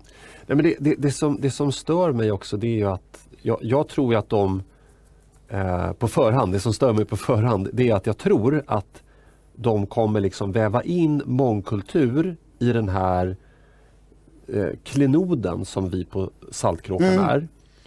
Och eh, framställa det som något bra. Mm. Men samtidigt så vill de inte liksom leva i mångkulturen. De som är anställda på SVT mm. de bor inte i utanförskapsområden. Eh, och, och de har inte sin arbetsplats där heller. Men de är goda genom att, ja. precis, de är goda genom att i en tv-produktion skildra sin utopi om hur det borde vara. Men som man inte själv vill vara en del av. Ja, exakt. Men det är lite grann som, som om Louvren skulle liksom plocka ut Mona Lisa och måla en slöja på henne. Liksom. Mm. Ja, just det. Mm. det är så här, jag, jag, tycker inte att Mona, ja, man kanske inte, Mona Lisa kanske fortfarande kommer vara en, en fin teckning om, om man gör det bra. Mm. Men den blir absolut inte bättre och, och den blir ju förstörd på samma sätt som att vi på Saltkråkan, det är ju det är en ögonblicksbild ja, av exakt. Sverige i mitten på 60-talet. Mm, och det, det, inte, blir inte bättre Jag så, tycker inte det är nostalgi, det, det är ju ett tidsdokument. Mm. Så det, det, är ju en del av vår vetenskap om hur det var i en annan tid som vi inte längre är i. Då, då, då är det utmärkt att ha den, det tidsdokumentet och det, det har inte med nostalgi att göra. För inte ens då när den gjordes så eh, levde ju svenskar på, i, i skärgården på det sättet så att säga. Eh, skärgården är ju en väldigt eh, eh, udda miljö där, där, väldigt få människor alltid har levt. Det, det, det har ju funnits fler yrkesverksamma med fiskar och sånt förut men, men det har ju alltid varit en väldigt liten och eh, avvikande del av, av, samhället. Men som tv-serie så gav det ändå ett tidsdokument på hur barn och, och, och vuxna kunde prata på eh, sommarlovet. Ja. Nej men jag, jag eh, precis, jag tycker att eh, nej, men vi var klara där. Ja, nej, men vi, vi får se här. Vi, vi, vi tror ju in, inte på detta projekt men det, det, det, vi får ju se om vi har fel. Det, har ju varit kul om de, om de verkligen hittat något sätt att göra på något sätt så att det inte är det allt det vi har sagt nu. Precis.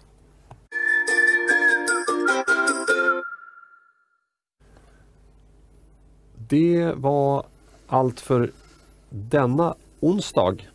Men eh, ja, lyssna gärna igen på oss på fredag. Då är vi tillbaka. Tills dess, ha det gott. Hej! Hej.